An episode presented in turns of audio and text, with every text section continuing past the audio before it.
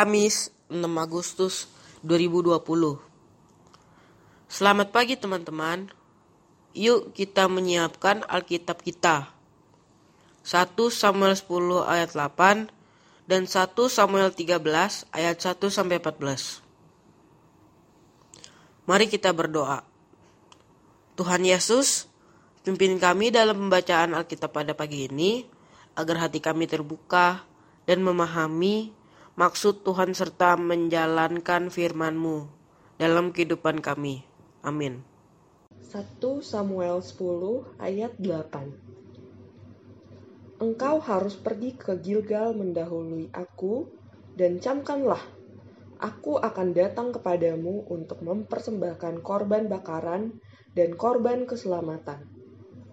Engkau harus menunggu tujuh hari lamanya sampai aku datang kepadamu dan memberitahukan kepadamu apa yang harus kau lakukan.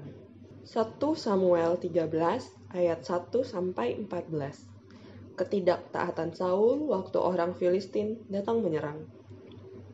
Saul berumur sekian tahun ketika ia menjadi raja. Dua tahun ia memerintah atas Israel. Saul memilih 3.000 orang dari antara orang Israel 2000 orang ada bersama-sama dengan Saul di Mikhamas dan di pegunungan Betel. Sedang seribu orang ada bersama-sama dengan Yonatan di Gibea Benyamin. Tetapi selebihnya dari rakyat itu disuruhnya pulang masing-masing ke kemahnya.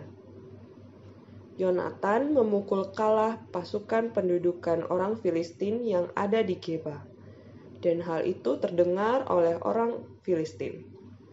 Karena itu, Saul menyuruh meniup sangkakala di seluruh negeri sebab pikirnya, biarlah orang Ibrani mendengarnya.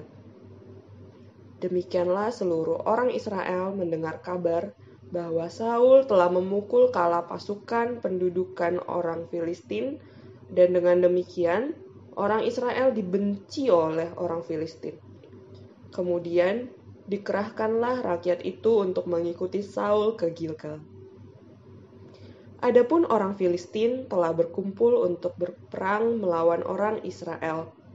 Dengan 3.000 kereta, 6.000 orang pasukan berkuda, dan pasukan berjalan kaki sebanyak pasir di tepi laut, mereka bergerak maju dan berkemah di Mikmas di sebelah timur Bet Awen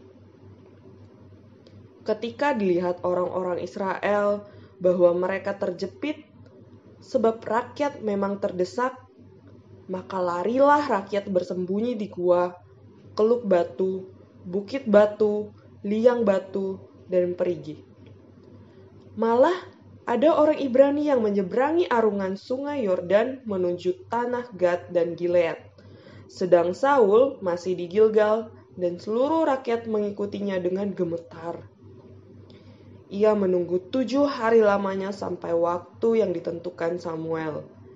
Ketika Samuel tidak datang ke Gilgal, mulailah rakyat itu berserak-serak meninggalkan dia. Sebab itu Saul berkata, Bawalah kepadaku korban bakaran dan korban keselamatan itu. Lalu ia mempersembahkan korban bakaran. Baru saja ia habis mempersembahkan korban bakaran, maka tampaklah Samuel datang. Saul pergi menyongsongnya untuk memberi salam kepadanya. Tetapi kata Samuel, "Apa yang telah kau perbuat?" Jawab Saul, "Karena aku melihat kayu itu berserak-serak meninggalkan aku, dan engkau tidak datang pada waktu yang telah ditentukan, padahal orang Filistin telah berkumpul di Mikmas.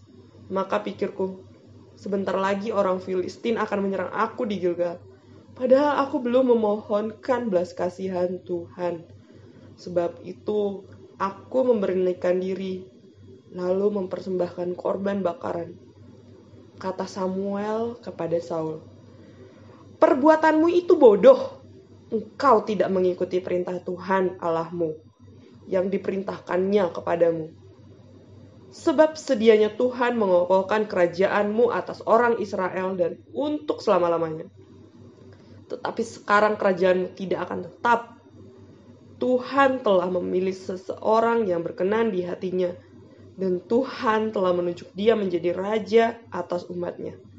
Karena engkau tidak mengikuti apa yang diperintahkan Tuhan kepadamu.